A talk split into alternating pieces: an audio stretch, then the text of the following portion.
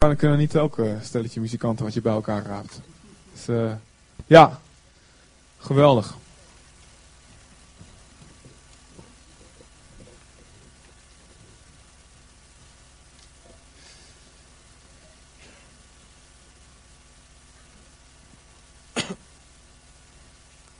Ja. Oké.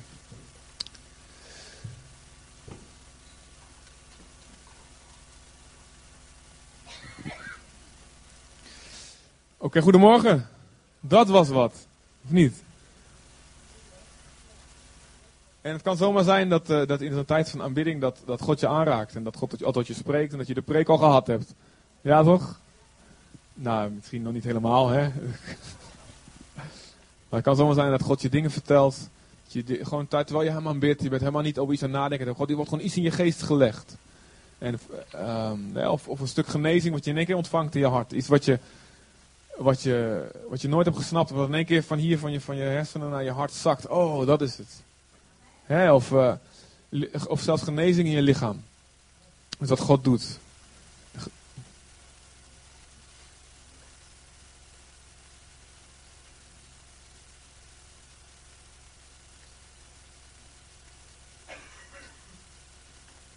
Ja, oké, dat is goed.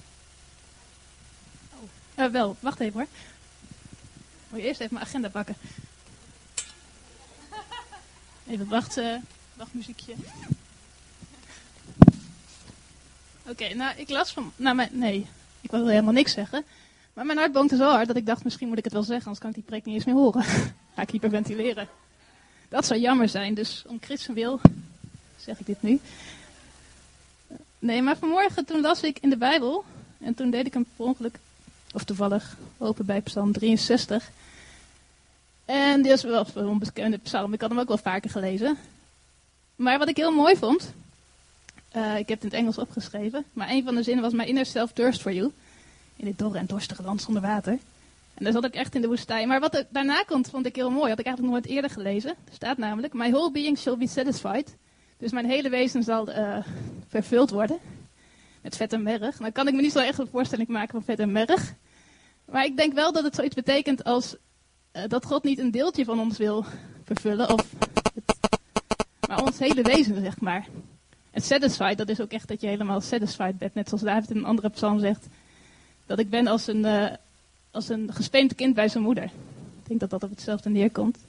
En in the shadow of your wings will I rejoice.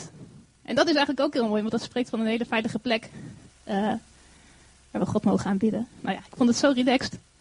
Maar hij wil dus gewoon ons hele wezen vervullen. Niet een klein stukje. En ook, de delen die we zelf nog verborgen houden. Of waar we zelf niet eens aan durven te denken. Omdat ze zo gevaarlijk zijn. Of omdat er zoveel pijn zit.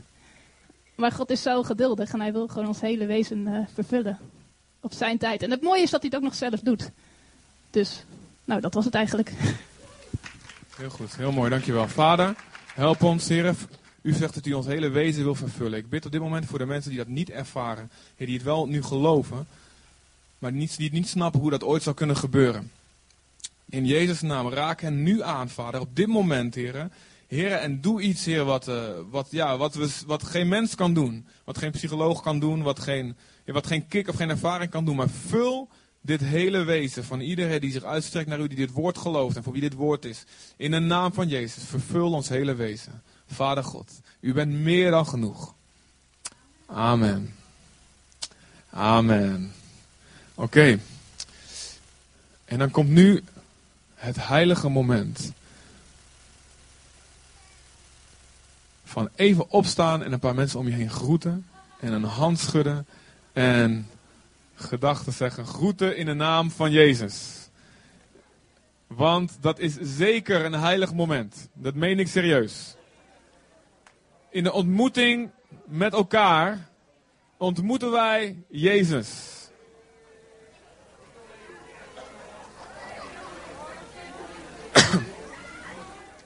Als je iemand ziet die je niet kent, stel jezelf ook even voor.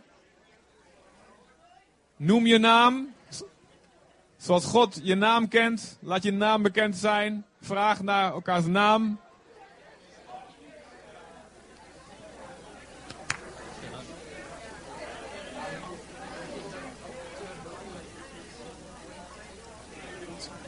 bruid.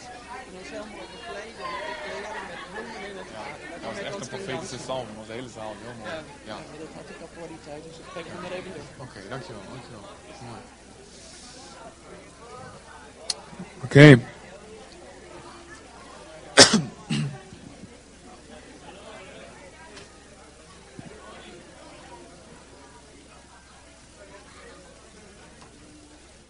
Oké. Eh,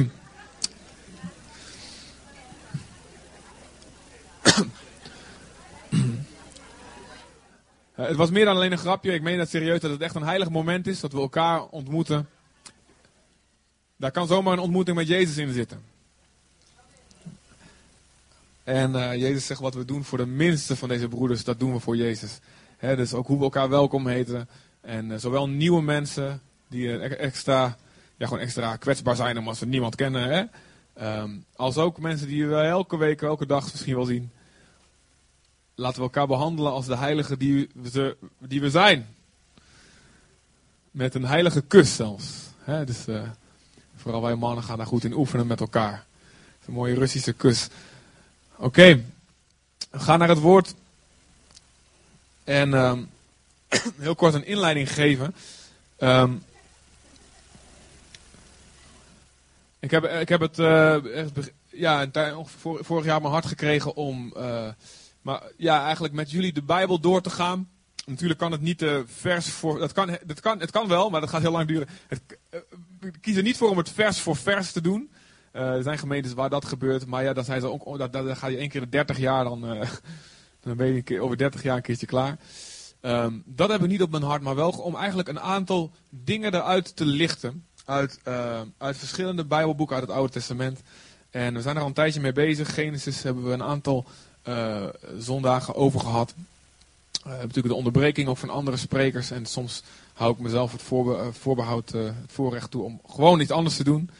Uh, maar we zijn in, uh, in die lijn verder gaan, zijn we al in Exodus nog steeds. En zijn we gekomen op een heel belangrijk punt, de wet.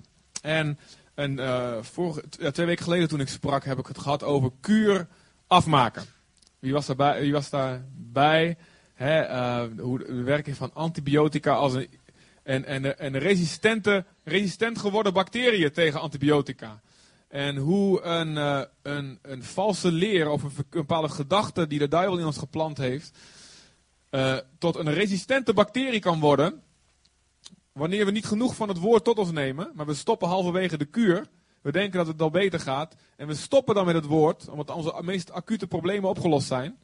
We stoppen dan met het lezen van de Bijbel met diezelfde honger als we in het begin deden. En daardoor maken we eigenlijk niet af wat God nog meer tot ons wil spreken. We horen maar de helft van het woord van God en we denken we snappen het al. En we hebben de klepel horen luiden, maar... Um, halleluja.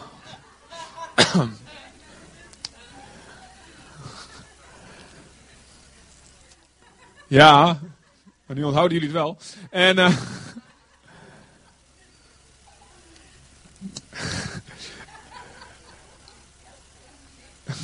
Nou ben ik even de klepel kwijt. Um, de, ik ben zo blij dat je hier op de eerste rij zit. Um, en je denkt dat je alles weet en je stopt met het nemen van het woord. Um, of je hebt een overdosis gekregen waardoor je ook... Ja, dat, of een verkeerde of een verdunde dosis van het woord gekregen. Waardoor je de volgende keer een woord van God hoort wat God tot je wil spreken. Maar je denkt dat je het al weet. Of je denkt van nou ja, dat kan je wel zeggen. Dat kan God wel zeggen. Maar dat zit eigenlijk zo en zo. Waardoor die... Uh, ja, waardoor dat woord niet die medicinale werking, die genezende werking heeft, wat God wil dat het wel heeft in je leven. Nou goed, als je het niet geluisterd hebt, je kunt het naluisteren op de site, zoals jullie op het filmpje ook al gezien hebben. Het, um, want als we op het gebied komen van de wet van Mozes, waar we nu eigenlijk aangebeland zijn, is het heel makkelijk om daar um, verkeerde beelden over te hebben. Want het is ook in de geschiedenis nog veel gebeurd. En um, denk in de geschiedenis, zelfs in de gedachten van ons allemaal. Uh, zijn er momenten geweest, om te gezien zijn, die er nog wel dat we een bepaald beeld hebben van God. Um, dat we de, uh, en dat we de wet, zoals die gegeven is aan Mozes, op een verkeerde manier um, ja, een plaats geven in ons leven, in ons denken over God, in ons denken over onszelf. En um, dit is dus een heel gevoelig punt waarin kerken ook heel erg verschillend kunnen zijn. Waarin gelovigen ja, in dezelfde kerk zelfs heel verschillend kunnen zijn. En um, nou zijn er bepaalde punten waarop we mogen verschillen van elkaar. En het, eh, dat de Bijbel zegt, joh, eigenlijk is dit de waarheid, maar goed, als je dit denkt, dan is dat ook nog goed. Dan is dat ook nog oké. Dan is daar ruimte voor binnen de gemeente. En er zijn punten waarin er eigenlijk wel overeenstemming moet zijn. Wil je samen met elkaar eh, in harmonie een doel bereiken wat God voor ons heeft. Hè? Elkaar liefhebben, God liefhebben boven alles en alle volken tot, tot zijn discipelen maken. Ehm, en ehm, dus daar gaan we gewoon een aantal uh, zondagen, uh, indien de Heer toestaat, over spreken. Um, ik wil heel kort, een korte inleiding is, um, als je naar de wet van Mozes kijkt, de, de Joden noemden de Torah, met, hadden het met name het over de eerste vijf boeken van het Oude Testament, dus Genesis, Exodus, Leviticus, Numeri en Deuteronomium. Dat, dat wordt ja, over het algemeen bedoeld met als het gesproken wordt over de wet. Nou, binnen die wet heb je heel veel verschillende uh, verhalen. Je hebt wetteksten. Je hebt echt, echt meer als een wetboek van strafrecht lezen. Je hebt de verhalen van Genesis natuurlijk. Um, je hebt principes. je hebt de zegeningen die volgen op gehoorzaamheid. Je hebt vervloekingen die volgen op ongehoorzaamheid. Je hebt uh, aantal, uh, als een wet gebracht wordt, wordt met een verhaal, dan komt, kan het gevolgd worden door een verhaal waarin bijvoorbeeld laat, ja, waarin God laat zien, dit is, ja, dit, dit is een overtreding van die wet die ik net genoemd heb. En dit is dan hoe ik ermee omga. Um, maar om eventjes een algemeen plaatje te geven. En dit is, dit is niet een uh, bijbelse indeling. Maar het is uh, door een aantal theologen. Uh, ja, door de theologen de meest geaccepteerde indeling.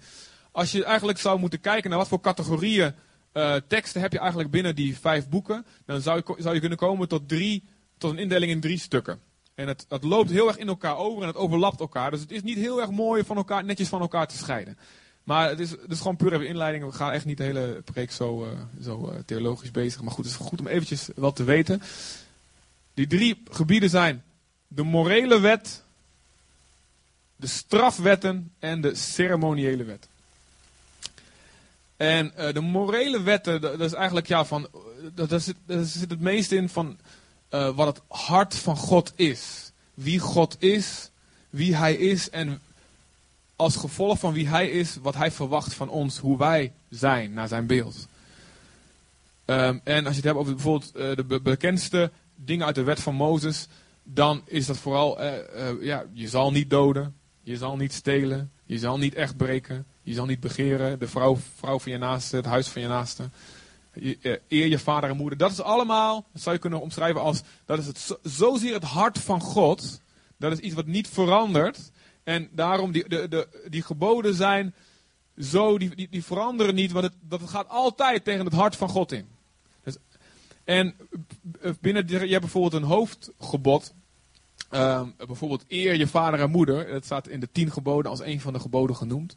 En dan heb je bijvoorbeeld in, een hoofdstuk als Leviticus 19, heb je allemaal kleinere uitwerkingen van zo'n hoofdgebod. Bijvoorbeeld daar staat, uh, je moet voor het grijze haar moet je opstaan en de ouderen moet je eer bewijzen. Ik heb hier een paar grijze haren aan de zijkant. Dus elke keer als ik langskom, dan ik nog te ja, niet echt zichtbaar, hè? ja, als je dus je haar verft, ja, dan gaan mensen dus niet voor je opstaan. Dan blijven ze allemaal zitten. Ja, dat is dan weer jammer. Maar goed, je hebt dus een hoofd. Ja, als je dus, als je dus uh, grijs bent, maar ook kaal, als je alle haren verloren hebt, dan ja, is ook weer geen grijs haar zien. Dat, dat, dat telt dan ook weer niet. Nou goed. Je hebt dus eigenlijk het hoofdgebod, eer je vader en moeder. Wat is het principe, het hart van God wat erachter zit? Is wees dankbaar.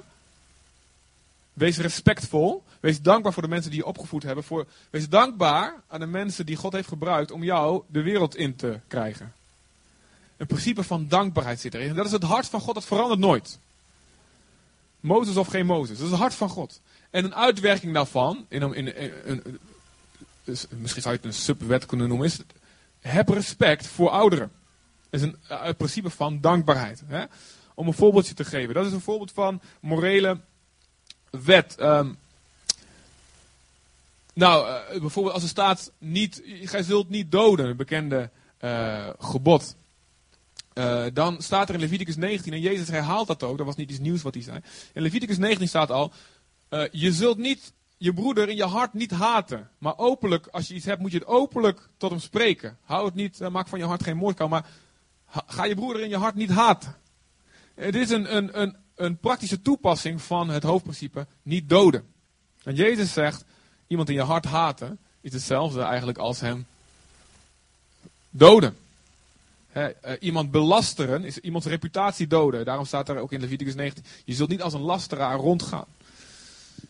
dus dit zijn, zijn vele voorbeelden van, dit is, een, dit is eigenlijk de morele wet, het hart van God. Ehm, en, die, en in het Nieuwe Testament zegt Jezus dat we door de liefde deze wet vervullen. En dit is de wet die in ons hart geschreven wordt als we opnieuw geboren worden. Dit is de wet die door de Heilige Geest in ons hart geschreven wordt. Dat is vooral het hart van God wat op ons hart komt. En dat we, dat we kunnen. En als je dan bijvoorbeeld zo'n psalm leest, als psalm 119, waar de, hele, de langste psalm van de hele Bijbel is dat, het langste hoofdstuk van de hele Bijbel. Uh, dan gaat het de hele tijd over hoe lief heb ik uw wet. En dan gaat het niet over van, oh ik, ik, oh, ik heb het zo lief als ik mensen mag stenigen, wat ook in de wet staat. Dat, dat gaat niet vooral daarover, het gaat vooral over dit stukje, de morele wet, het hart van God. Dan, als je dan uh, de tweede categorie even heel kort dat, dat zijn de strafwetten. Uh, dat is als het ware een beetje vergelijkbaar met ons wetboek van strafrecht. Van als, uh, de morele wet zegt eigenlijk, dit is het hart van God en omdat God zo is, is dit zonde. De zonde wordt beschreven dus als alles wat ingaat tegen het hart van God. En de strafwetten, de tweede categorie, is dus van als je zondigt, zijn dit de gevolgen van de zonde.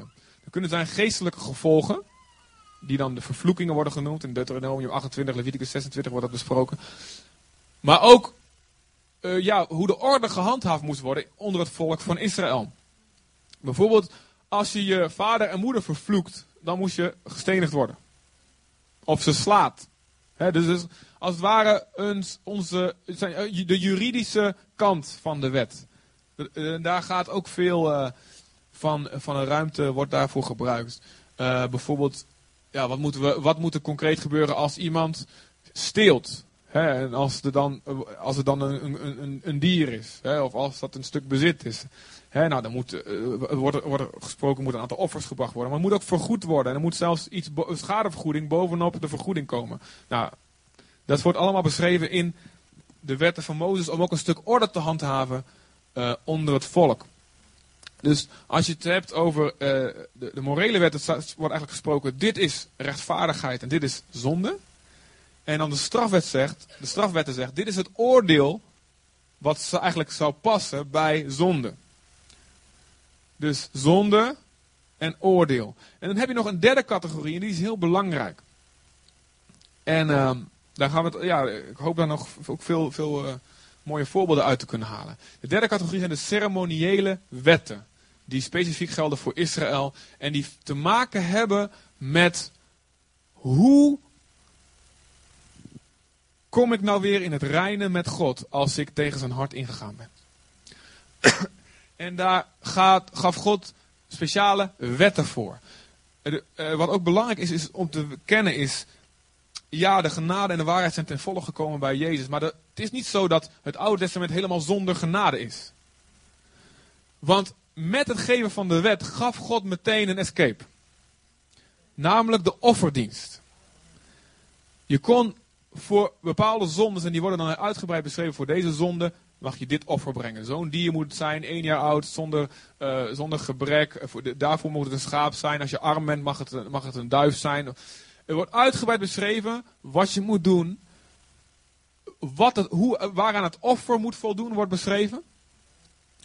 En je mag dat ook niet zomaar brengen. Er moeten priesters, er moeten priesters zijn. En God riep de stam van Levi, als een van de stammen, riep hij uit het volk. En hij heiligde hen als priesters. En binnen die stam van Levi, de familie van Aaron, uh, zij mochten God dienen in de tabernakel. Dat was een tent die werd opgericht in de woestijn. En het had een voorhof, het had een heilige, het had een heilige der heiligen. Nou, we gaan daar later uitgebreid een keer op in. Maar in ieder geval, God laat zien. Ik snap dat jullie niet, je niet kunnen houden aan al deze morele wetten. En dat de gevolgen zijn eigenlijk deze straf en deze vervloeking. Dus er is een uitweg. De genade in het, onder het oude verbond ging via de offerdienst, via de priesters. En daar is heel veel uit te halen. Jezus zegt, de wet en de profeten getuigen van mij.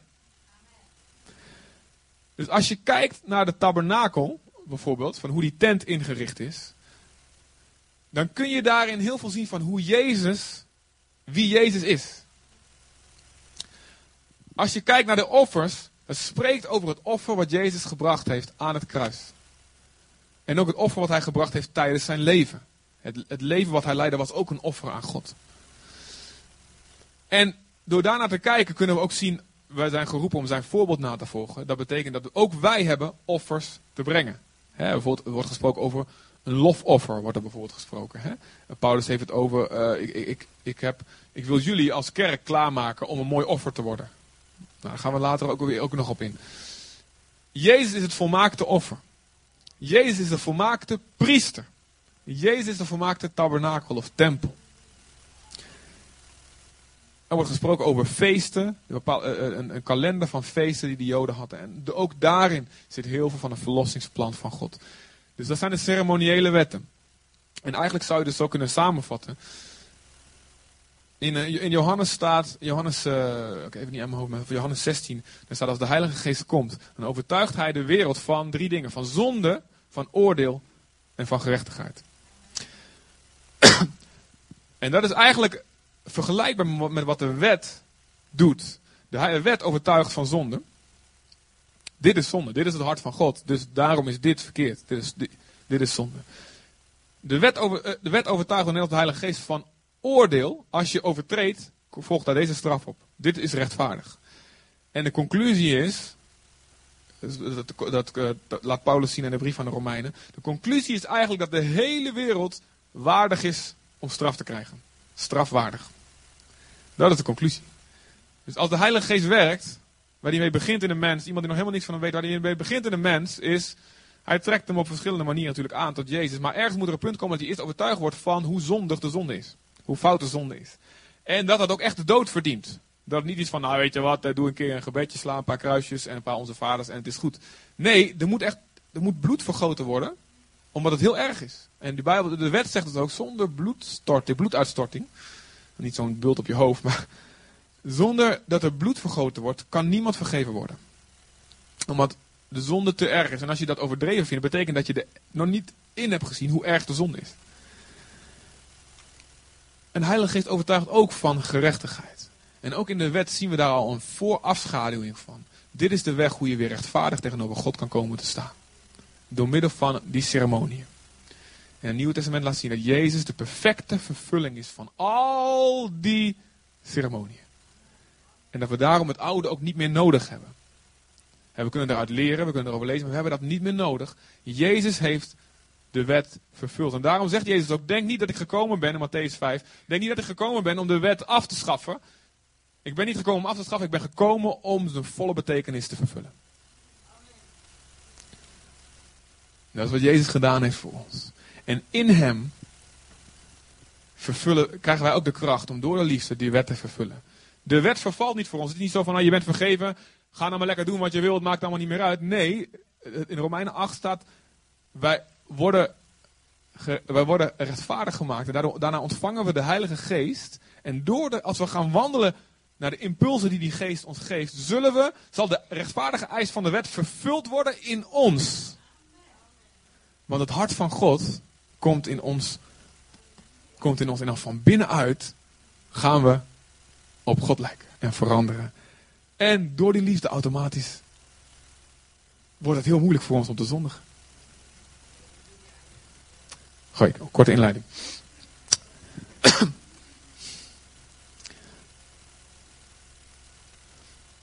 en uh, ik wil even kijken met jullie naar een bepaalde groep mensen. Dat zijn de fariseërs. En uh, er is heel veel over te zeggen. Maar uh, dat gaan we even niet doen. We gaan even naar Lucas 12 vers 1 tot en met 5. En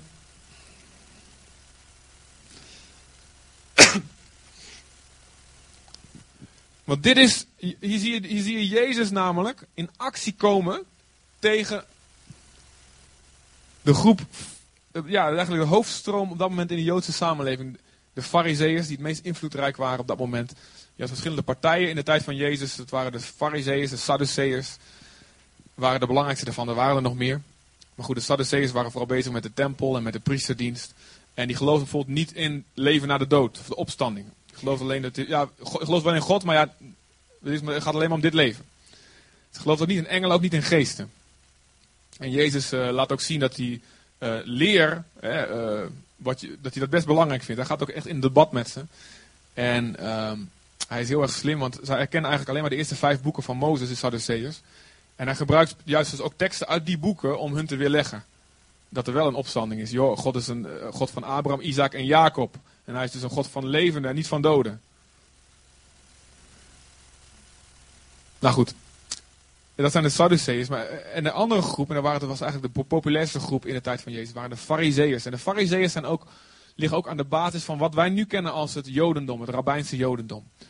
Um, het was eigenlijk een beweging van, ja, van niet-specialisten, gewoon, gewoon een volk van leken. Die, zoiets, die, die, die het op zich genomen hadden, weet je, die, die reinheidswetten voor de priesters, die, die, zijn, die zijn eigenlijk voor het hele volk. En het is al in, in, de, in de eeuw voor Jezus is dat opgekomen. En had binnen de Farizeeën had je ook weer verschillende scholen. De school van Hillel en de school, school van uh, Shammai. En die hadden onderling weer, van, weer, weer, weer discussies. Um, maar zie je dat het resultaat daarvan was in de maatschappij. Is dat er heel veel huigelarij kwam. En Jezus treedt hier tegenop. En dan zegt hij in Lucas 12. Um, ehm, vanaf vers 1 zegt hij het volgende. Intussen had er zich een enorme menigte rondom Jezus verzameld. De mensen verdrongen elkaar. Maar hij richtte zich eerst tot zijn leerlingen. En hij zei, hoedje voor het zuurdeeg. Dat is een klein stukje zuurdeeg wat je in een heel groot stuk deeg stopt. Waardoor het hele deeg zuur wordt. Dat kennen we nou niet meer. Maar dat is wel iets kleins wat een heel groot iets kan doordringen. Ook al lijkt het klein. Vlindereffect zeg maar. Hoedje voor het zuurdeeg, dat wil zeggen de huigelarij van de fariseërs. Dus let op, Jezus waarschuwt zijn leerlingen, zijn discipelen, Pas op voor huigelarij. Wat klein begint, maar groot kan worden. En dit is een woord van Jezus nog steeds aan alle christenen, aan alle gelovigen. Huigelarij is een van de grootste gevaren voor ons zelf, voor ons eigen leven. Want we houden onszelf en anderen voor de gek dat we, goed, dat we wel goed bezig zijn. Terwijl niet de echte problemen worden aangesproken in ons leven en naar boven komen. En we de verkeerde kant op gaan. En bovendien ook nog eens een keer de wereld misleiden. Want we zeggen dat we christen zijn. Maar het is eigenlijk alleen maar buitenkant. En de wereld zegt dan terecht van nou, dat zijn allemaal stelletjes hypocrieten. Dus daar zit geen kracht in. En dat is niet aantrekkelijk. En daardoor verhinderen we ook hun om Jezus te vinden. Dus Jezus zegt tegen zijn leerlingen, hij zegt dus tegen jou en tegen mij vandaag, pas op voor huigelarij. Dus het is heel belangrijk dat je ook deze boodschap tot je neemt en niet denkt van nou, dat is goed voor die en die mijn buurman. Maar dat je echt ook, ook als je denkt, nou op zich ben ik wel een eerlijk persoon. Een oprecht persoon. Ik sta bekend dat ik gewoon eerlijk ben. Dat je ook, jij blijft oppassen voor huigelarij. Jezus zegt het tegen zijn leerlingen. Dus tegen jou. Pas op. En dan gaat hij verder, want niets is verborgen. Dat niet, niets is verborgen wat niet onthuld zal worden. Niets is geheim dat niet bekend zal worden. Alles wat jullie in het duister zeggen zal in het licht worden gehoord. En wat jullie binnenskamers in iemands oor fluisteren zal vanaf de daken bekend worden gemaakt. Tegen jullie, mijn vrienden, zeg ik. Wees niet bang voor degenen die het lichaam kunnen doden, maar tot niets ergens in staat zijn. Ik zal jullie zeggen voor wie je bang moet zijn. Wees bang voor hem die de macht heeft om iemand niet alleen te doden, maar ook in de Gehenna en de hel te werpen. Ja, ik zeg jullie, wees bang voor hem. Dus de het middel tegen huichelarij is dat je banger bent voor God dan voor mensen. En dan een soort liefdevolle angst. Hè? Ik heb er niet over van, oh God. Ah. Dat is een vrees die, je, die de duivel graag wil dat je hebt voor hem. Dat is, daardoor blijf je van hem weg. Ja, als ik bij God kom, voel ik me altijd zo slecht, dus ik kom maar niet in de kerk. Ja, ik spreek altijd van die mensen. Ik zeg, oh kom alsjeblieft. Weet je. Dat is een verkeerd soort angst. Maar het, is, het gaat hier om een stukje rekening houden met uh, een stukje ontzag voor God. Nou, niet een stukje, echt een groot stuk. De vrezen des Heeren die gezond maakt. Die zorgt, ja, zorgt dat je dichter bij hem wil zijn. Waardoor zijn mening echter wordt dan de mening van mensen om je heen. En dit is zo moeilijk. Dit is heel erg moeilijk. Jezus zegt zelfs in, in, in het boek van Johannes zegt hij, dat het onmogelijk is om tot geloof te komen als je, de, als je eer van mensen zoekt boven de eer van God. Dan is het onmogelijk om echt tot geloof te komen. Dan kan het zijn dat je voor de buitenkant helemaal oh, happy en holy bent, zeg maar. Maar het is onmogelijk om echt tot geloof te komen. In Galaten 1 vers 10 zegt Paulus, als ik mensen probeer te behagen, zou ik geen dienaar van Jezus zijn. Absoluut niet. Dus je moet kiezen wie je dient. Mensen of God. En God zal er voor absoluut voor zorgen dat je in situaties komt dat je moet kiezen tussen een van de twee. Daar zorgt hij wel voor. Dat doet hij expres. Waarom? Omdat hij dat zo leuk vindt om je te zien lijden? Nee, omdat hij wil dat je sterk wordt. Omdat, omdat, hij, omdat hij dat gebruikt om jou Jezus te laten lijken. en, nou, ik heb jullie wel vaker verteld ook dat ik gewoon, ik, God heeft me daar, ook heel vaak op aangesproken. En nog steeds, in het begin van mijn, van mijn tijd was het, joh, ik, ik, ik ontdekte, ik ga, je gaat vanuit liefde begin je de Bijbel te lezen.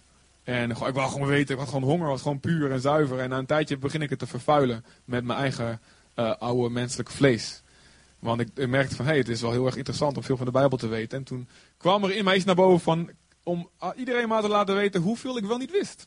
En hoeveel streep ik wel niet in mijn Bijbel laat staan. Weet je wel, eventjes laten zien bij het bladeren. Kijk eens allemaal, ja, ik heb, uh, ik heb klaagliederen gelezen. En jij, hè? Hm, hm, streep, streep. Hè? En het is dat hebben we allemaal. Hè? En ik weet dat jullie zitten te lachen omdat jullie het herkennen. en... Uh,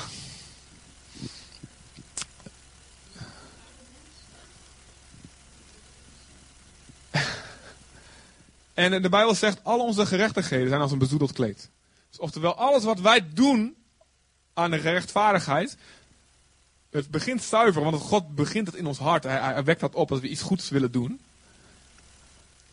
En we vinden altijd wel een manier om dat weer te besmetten met iets geniepigs van in ons hart, wat er tussendoor probeert te komen, om dat weer te vervuilen. Daarom kunnen we ook niet gered worden door onze eigen werken, want die zet altijd een besmetting op.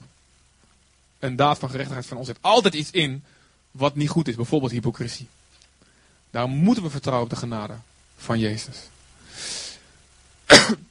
en uh, nou, een wat recenter voorbeeld. Uh, ik was, was bijvoorbeeld, ik uh, was uh, ik heb dus de kinderen deze week. En, en uh, ik haal dus de kinderen wat vaker op van school als normaal. En er was iets gewoon wat onbewust gebeurde. Want ik, ik, ik kwam van, uh, van, van mijn kantoor en ik dacht, ik dacht van... Uh, ik, ik ga, ging de kinderen ophalen en op zich, als ik van kantoor naar school fiets... dan kan ik best wel even langs mijn huis en even mijn tas neerleggen. Maar ik kwam erachter, ik had het niet meteen door, maar ik kan, op het schoolplein kwam ik erachter van... Oké, ik heb mijn tas meegenomen om aan iedereen te laten zien dat ik, ondanks dat ik nu deze week elke dag de kinderen ophaal, toch wel een heel erg druk bezet man ben.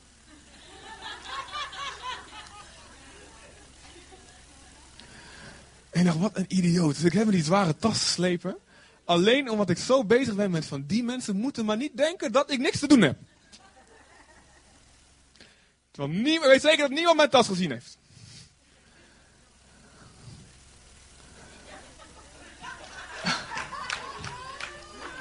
Het gaat echt te diep voor mij, ik snap nee. Ik ben niet, kijk, ik ben wel, ik, ik, ben wel fout, maar ik ben niet zo, zo slim fout, snap je? Nee.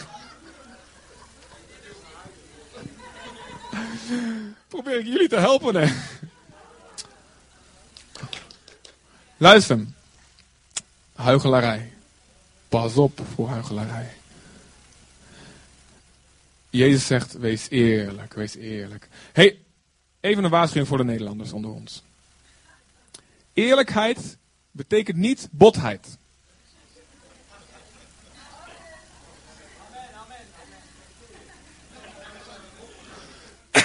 Wij Nederlanders zijn zo lekker direct. Het is fijn dat je eerlijk bent. Het is fijn. Ook als je in Azië bent geweest, zie je het verschil. Het altijd, ja, ja, ja, halleluja. En van binnen is het, ah, ik maak je straks dood, weet je wel. Indonesië, China, het is gewoon zo, hè. Je weet gewoon niet wat je aan ze hebt. En dat is ook niet fijn. Maar je kunt ook doorslaan naar de andere kant, oké? Ik had een mooie tekst voor jullie. Uh, ons. Uh, Balk, Splinter, sorry. Um, Spreuken 18 vers 2. Een dwaas is niet geïnteresseerd in inzicht. Hij wil alleen zijn eigen mening kwijt. Spreuken 18 vers 2. Een dwaas is niet geïnteresseerd in inzicht, maar hij wil alleen maar zijn eigen mening kwijt. dat is jouw mening, ja. Dat vind jij natuurlijk weer niet. Ja. Dus eerlijk zijn.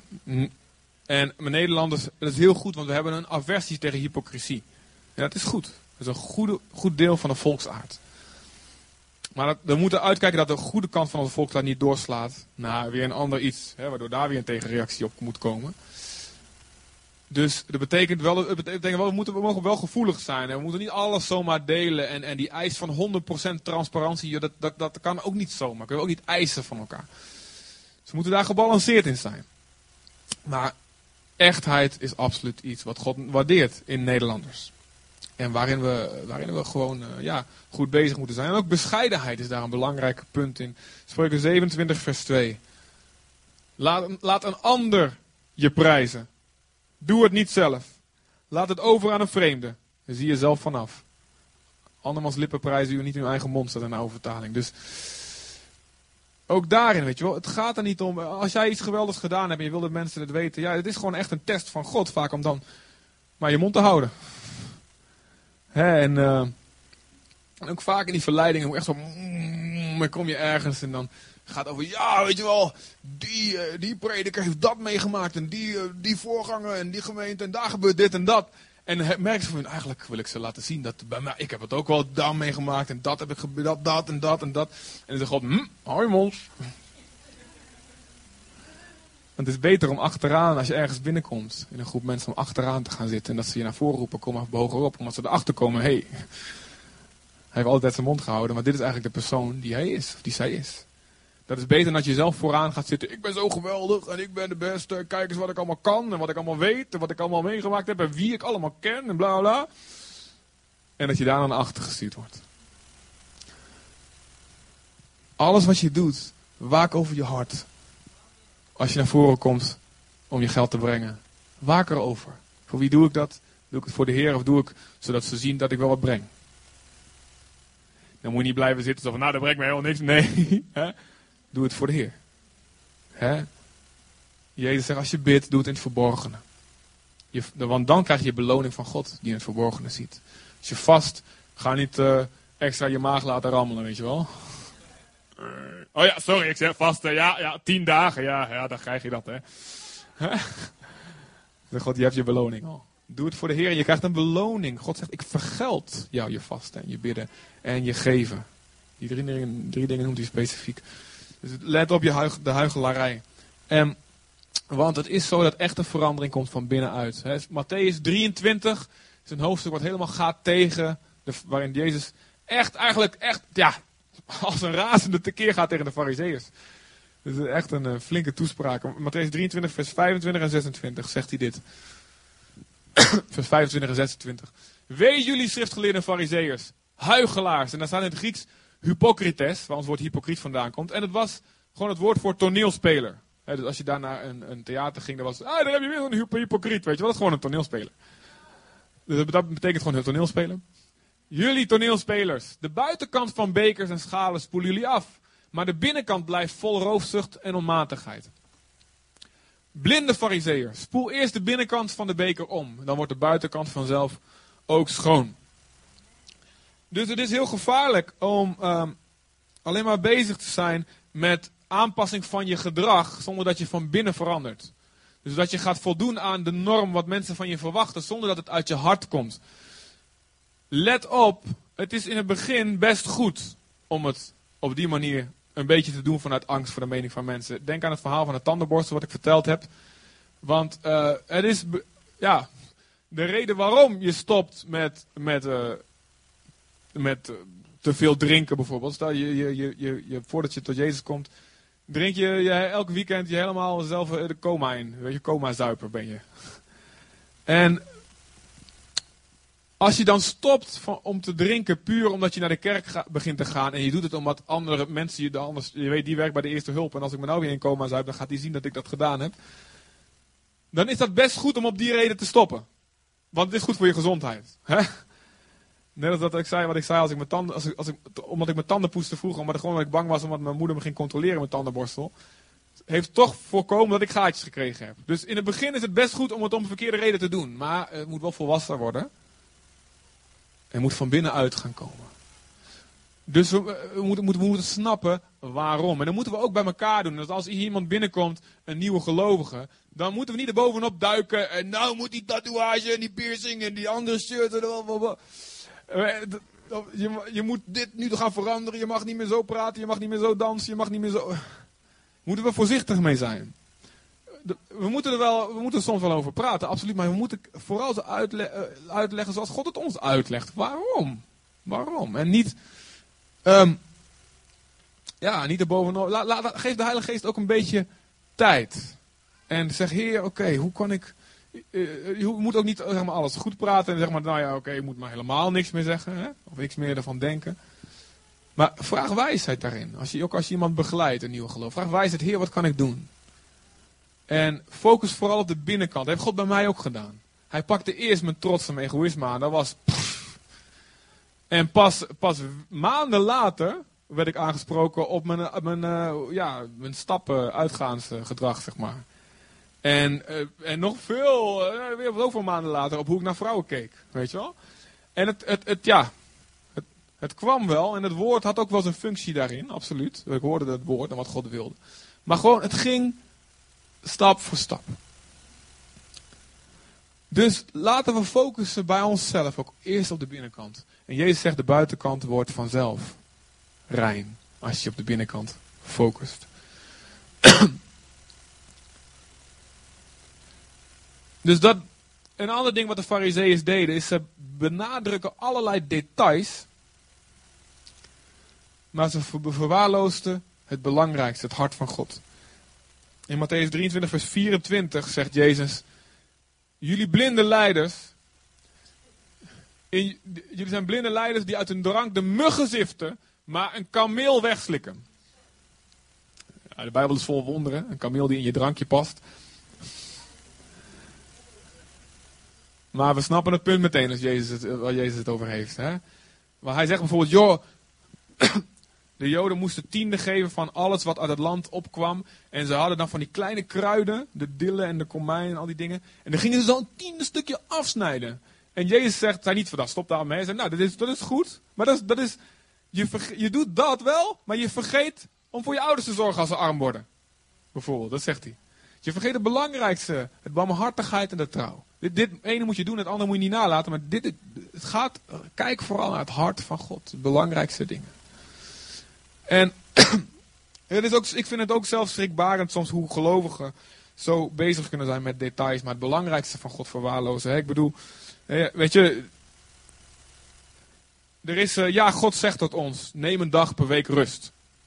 En ik geloof echt dat onder nieuw verbond, dat dat, eh, ja, dat kan, dat kan de Sabbat zijn, dat kan de zondag zijn. Ik ik heb de maandag, want ik moet, ja, ik ben gewoon nou aan het werk. Hè? En, eh, maar God zegt, omdat hij van je houdt, neem een dag rust. En hij zei het ook, als je de wet goed leest, hij deed het ook zodat de, de, de slaven en de dieren en het land ook rust kregen. Dat was ook uit liefde voor anderen dat God de Sabbatswet gaf. Maar je kunt bijvoorbeeld, eh, ja, ik, ik, ben, ik heb er nooit gewoond, maar het schijnt dat je, dat je in dorpen kunt wonen waarin niemand op zondag werkt. Eh, maar als je dan je gras gaat maaien op zondag, dat je boos aangekeken wordt of wat dan ook. Of dat ze, ik denk, dat is nou, dat is, het is een voorbeeld van, we zijn, we zijn oké, we houden ons aan een deel van wat God zegt. Maar de liefde raakt uit beeld. en we kunnen dus vallen over allerlei kleine dingen. Dat kan een heel grote variatie van dingen zijn. Ik, ik weet, nog, een keer, we hadden voor het eerste keer hadden we Martin Koornstra op de Battle. En ik, had, ik, had, ehm, ik werkte op de Battle als over programma. En ik, ik, we hadden, ehm, ik had op gehoord op de Jongerendag. En ik zei, dat is een goede voor op de Battle te komen spreken. Je kent hem, Martin Koornstra. Hij Een woord van leven. Echt, wat gebeuren ge- geweldige wonderen. Echt een, ja, man vol liefde. Een man van God. Een leuke, leuke, leuke gast. Gewoon. Ja, toch? Amen. Amen. Ja. En we hadden voor het eerst hem uitgenodigd. En hij begon, oh, te gek, weet je wel. en hij, hij, hij predikte in de Bijbelstudie. Maar na ongeveer 20, 25 minuten kwam iemand met een rood hoofd onze kantoor van, de, direct- van, van, Gerard, directeur, en mij binnenstormen. Pas na 25 minuten deed hij voor het eerst de Bijbel open. Terwijl hij de hele tijd had het over, hij vertelde zijn getuigenis en over hoe hij tot geloven en al dit. Echt allemaal over de Heer. Maar hij was zo gefocust, weet je wel. Je had een bepaalde gedachte in zijn hoofd. Je moet een Bijbelstudie, moet je beginnen met meteen de Bijbel open. Anders is het niet echt. Hè? En de manier waarop hij dan ook begon te spreken, dacht ik van, nou, je kan, je kan nog wel wat Bijbelstudie gebruiken, weet je wel. En zo zijn er veel voorbeelden te noemen van gelovigen die, die details zo tot een, iets groots verheffen. En gewoon zeggen, oké, het, het is niet, heel- dit is helemaal niet verkeerd, die details. Weet je wel, niet dat je nooit moet bezig zijn met details. Hè. Ja, het kan best, je kan best een keertje zeggen, nou joh, hey, eh, eh, ja, doe eens een keer de Bijbel open tijdens je preek vervolgens. Hè. Kan je keer, het heeft kans en plaats hebben, maar kijk naar het belangrijkste. Wat is het belangrijk? Wat is het hart van God? En zo ook wij hoe we naar elkaar kijken. Zijn we bezig met details? Of kijken we naar het hart van God voor die persoon? Zijn we bezig met de buitenkant? Gedraagt hij zich wel zoals het hoort? Praat hij wel zoals het hoort? En, en God zegt normaal, het is niet, niet dat het helemaal niet belangrijk is. Maar focus vooral op het hart van God. Ga die het hart van die persoon leren kennen. Als God het bij ons zou doen, zouden we nog lang niet jarig zijn. En omdat we willen dat God, omdat we het fijn vinden dat God zo geduldig en zo liefdevol met ons is. En focust op onze binnenkant. Zegt God, doe nou precies datgene bij anderen, wat, zoals ik het ook bij jou doe. Wees op je hoede voor de zuurdeeg van de fariseërs. en soms is dat focussen op die details ook een afleiding. Gewoon een afleiding. En we denken dat we zo geweldig veel weten, maar eigenlijk ons hart groeit helemaal niet. En we specialiseren ons in allerlei details. We maken ons boos om de kleinste dingen. Maar onze liefde groeit niet. En de Bij- de Bijbel zegt heel duidelijk, dat is niks waard. Zo'n godsdienst is niks waard. Maar de Heer houdt van je. En van mij. En hij heeft geduld met ons. Ook met ons stelletje fariseeërs. Een ander ding wat de fariseeërs doen. Is regels opleggen. Zonder naast de mensen te staan. Jezus zegt in hetzelfde hoofdstuk, vers 23, hoofdstuk 23, vers 4. Ze bundelen alle voorschriften. Ja, ik hou de tijd eh, goed in de gaten, Johan. Dank je. Ze bundelen alle voorschriften tot een, tot een zware last. En leggen die de mensen op de schouders. Terwijl ze zelf geen vinger uitsteken om die te verlichten. Ze zeggen: Dit moet je doen, dat moet je doen, dit moet je doen. Nou, zoek het maar uit. Veel plezier ermee. En als het niet haalt, dan ga ik je lekker oordelen. Want ik doe het lekker wel. En Jezus zegt. Jezus, God is anders. Het is niet dat God. Het is niet dat God niks van ons vraagt. Hij vraagt absoluut wat van ons. De Bijbel is heel duidelijk. Dat ook al een nieuwe verbond. God vraagt van ons een heilig leven. Hij vraagt dat we tot, bloeden, tot bloedens toe, tot- ten bloedens toe tot tegen zonde vechten. Maar hij zegt ook. En ik kom naast je staan. En ik ga je, ga je helpen. En ik geef mijn leven. Ik heb mijn leven al gegeven en ik blijf het geven. Om jou bij te staan. Ik leg je niet iets op en dan nou zoek het maar uit en ik hoor wel of het gelukt is. Hij zegt, dit is wat ik vraag. En ik ben de eerste die elke dag bij je bed staat, in je hart woont. Van binnen je allerlei, alle hulp geeft die je nodig hebt. Om te doen wat ik van je vraag. We doen het als het ware samen. Ik ben het die door jou heen, die rechtvaardige daden doet. Dat is het hart van God. En God vraagt het ook van ons. Dat we niet de anderen de maat nemen van, nou, die moet dit en dat en dat. Zonder dat we erbij helpen. God wil dat we naast mensen gaan staan om ze te helpen.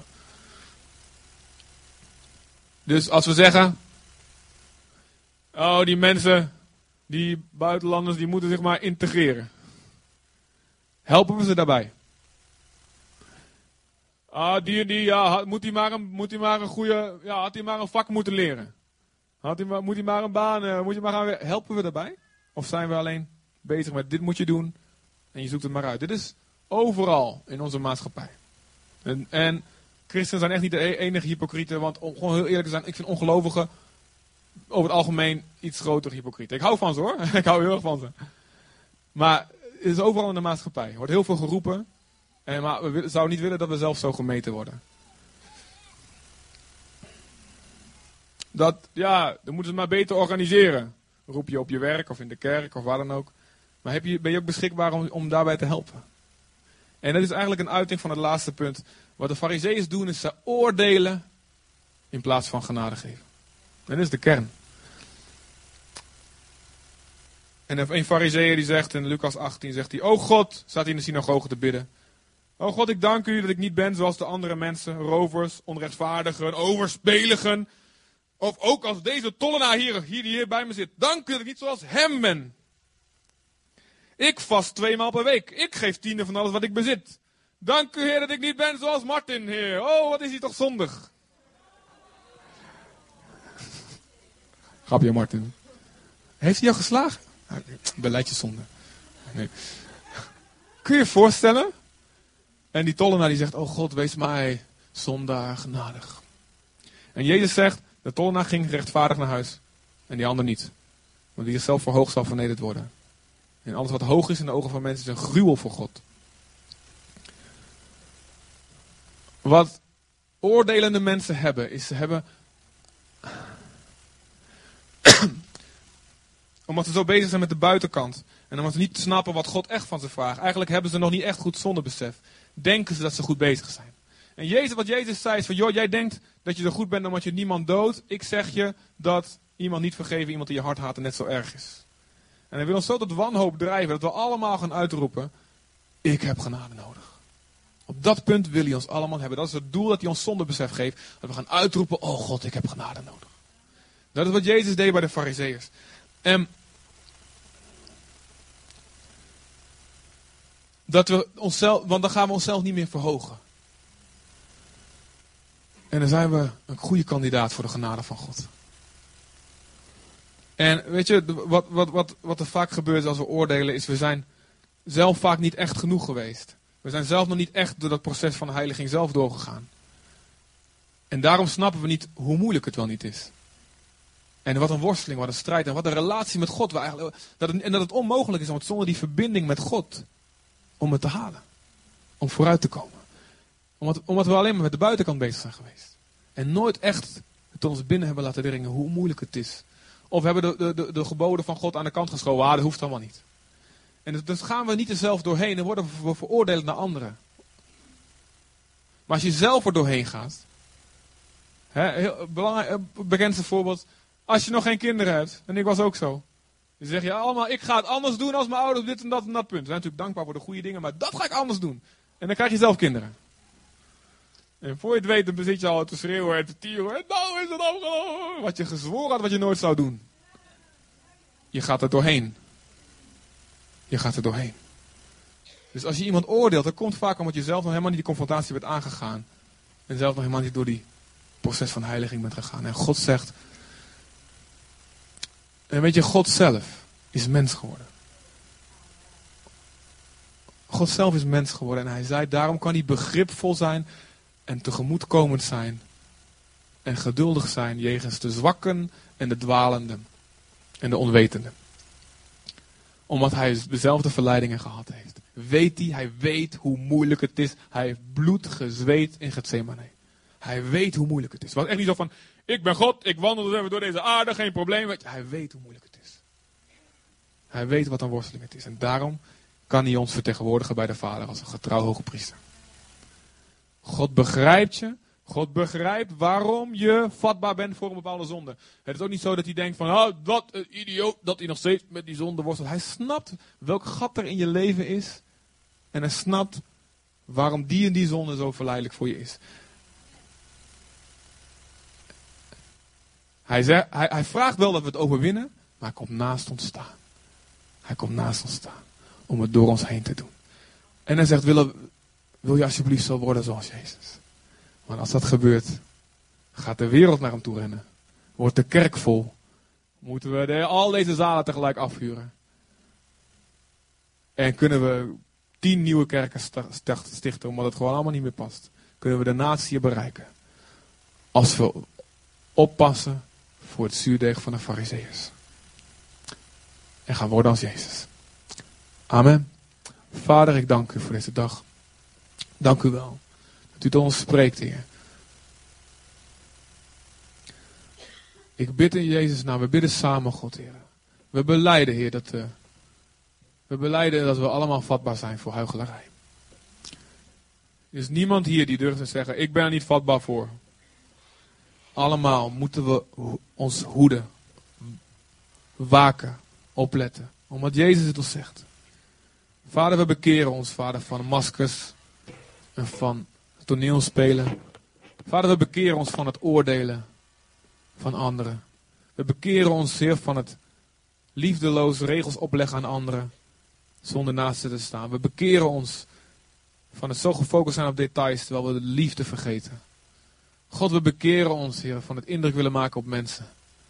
Maar vergeten dat uw mening de enige is die overblijft. O God, vul ons met uw geest. En God, kom in ons wonen. En door de Heilige Geest vervul de wet in ons door uw liefde. We strekken ons uit naar u. Zullen we staan met z'n allen terwijl we dit bidden? Vader, we strekken ons. Strek je uit naar hem. En ik kan me niet voorstellen dat je, dit, dat je dit echt begrepen hebt wat ik gezegd heb. En dat je dan geen verlangen hebt om je uit te strekken naar meer van God. We hebben hem zo nodig. Die relatie met hem is echt geen luxe. Zoiets van, nou ja, als het erbij kan, weet je wel. Het is zo nodig. Want we allemaal, anders zijn allemaal valkuilen vallen. Heer, hou ons dicht bij u. Hou ons dicht bij u. En maak ons als Jezus. Dank u, Vader. Dank u, Vader. En als er dingen zijn waar je specifiek om moet bekeren, als je een fariseeër herkent in jezelf. Gewoon, dit is de tijd. Spreek het uit naar God. Zeg, Heer, Vader, vergeef me. Ik, ik beleid het gewoon. Erken het gewoon. Heer, ja, dit, op dit gebied heb ik indruk proberen te maken aan mensen. Vader, ik bid dat u ook specifieke gevallen gewoon in de gedachten van ons allemaal brengt op dit moment. Heer, laat ons de afgelopen week alleen al, ja, ons hele leven kunnen we niet aan. Gewoon ons afgelopen week laat zien waarop we gewoon zo bezig zijn met mensen dat we u hebben vergeten. Laat zien, Heer, welke valkuil we, we zijn gevallen. Vader, laat zien hoe we het kunnen, beter kunnen doen. Vul ons met uw geest. In de naam van Jezus. Vul ons met uw geest. Heer, hier zijn we, God. Geen huichelarij meer. Geen fariseeën meer, Vader. Heer, maar Jezus, het hart van God. Het hart van God. Jezus, dank u, Vader. Dank u, Jezus. Wat ga je spelen, Fik? Oké. Okay. Zing een machtig Heer. Grote verlosser. 589. 598, sorry. Dank u, Jezus. Machtige Heer, grote verlosser, iedere dag. Kneden uw handen leven als klein. Zo vormt u mij naar uw plan. U roept mij zacht in uw nabijheid, daar vind ik kracht. Uw geest omgeeft mij, leer mij, o Heer, hoe ik steeds meer leef als u. U riep mij om voor u te leven. Aan u alleen wil ik mij geven. Trek mij, o Heer,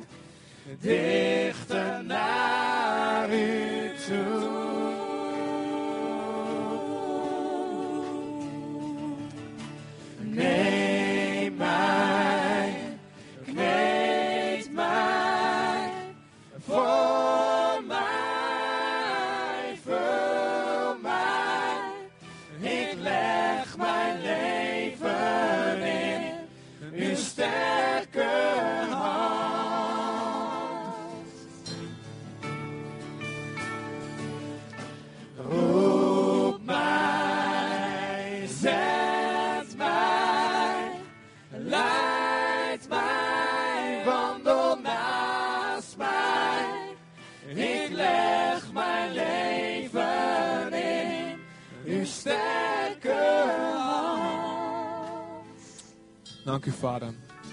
Dank u dat u ons kneedt, dat u ons vormt, Heer, in Jezus' naam, Heer. Oh God, vul ons, vul ons met meer van uw geest. In de naam van Jezus, laat ons de komende week, Vader, blijf met ons spreken, God, Heer. En blijf aanspreken in ons, Heer, wat, uh, wat niet op u lijkt, Heer. En hak het eraf. Als een beeldhouwer die alles afhakt wat niet past in het beeld wat hij in, voor, in zijn geestesoog voor zich ziet. Hak zo alles af wat niet op Jezus lijkt. In de naam van Jezus. Dank u, Vader. Oké, we moeten de dienst zo afsluiten, want de zaal die moet uh, iets eerder leeg als normaal. Maar wil je gebed hebben, dan is er absoluut ruimte voor. Als uh, je wil reageren op het woord wat Anna doorgegeven heeft, op gebied van de, de, depress, depressiviteit. Maar ook als het uh, gaat om, een reactie op deze preek. En ook als het gaat specifiek. Ik wil gedoopt worden in de Heilige Geest. Ik wil vol worden van de Heilige Geest. De Bijbel zegt het komt door handoplegging. Dus laat dan met je bidden. Verzamel je dan vooraan. En dan wordt er een plek gezocht waar je verder even door kan bidden. Terwijl de zaal leeggemaakt wordt. Maar laat die tijdsdruk je niet beroven van de zegen die je God je wil geven door naar voren te komen. Dat is heel belangrijk. En ook, en dat doen we elke week. Als jij zegt, ik wil mijn leven aan Jezus geven. Ik zie in dat ik niet kan voldoen aan de wet, aan de morele wet, dat ik tegen het hart van God inga. En ik heb genade nodig. Kom dan ook naar voren. Straks, als we de dienst afsluiten. En zeg, ja, ik wil mijn leven aan Jezus geven. God is hier, is een huis van redding, van vernieuwing en van doorbraak. We zingen dit het laatste stuk nog één keer en dan zijn we klaar. Ik leg mijn leven in uw sterke hand. Neem mij. Neem mij,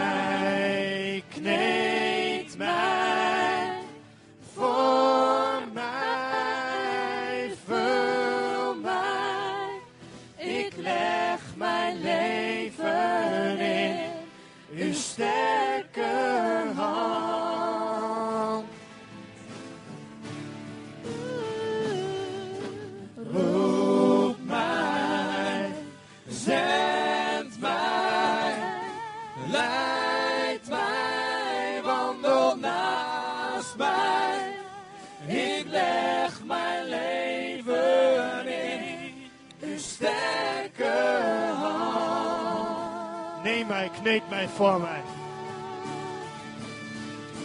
Neem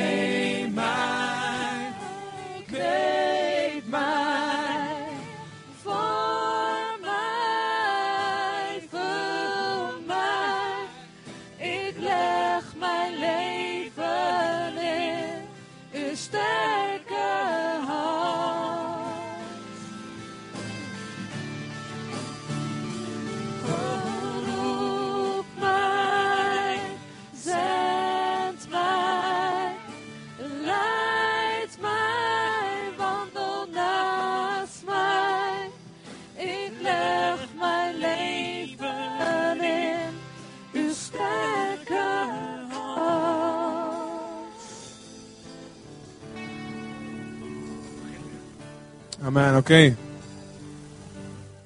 Is er iemand die uh, de zegen over de gemeente wil uitspreken? Is er iemand van jullie zegt ja? Ik heb een mooie zegen.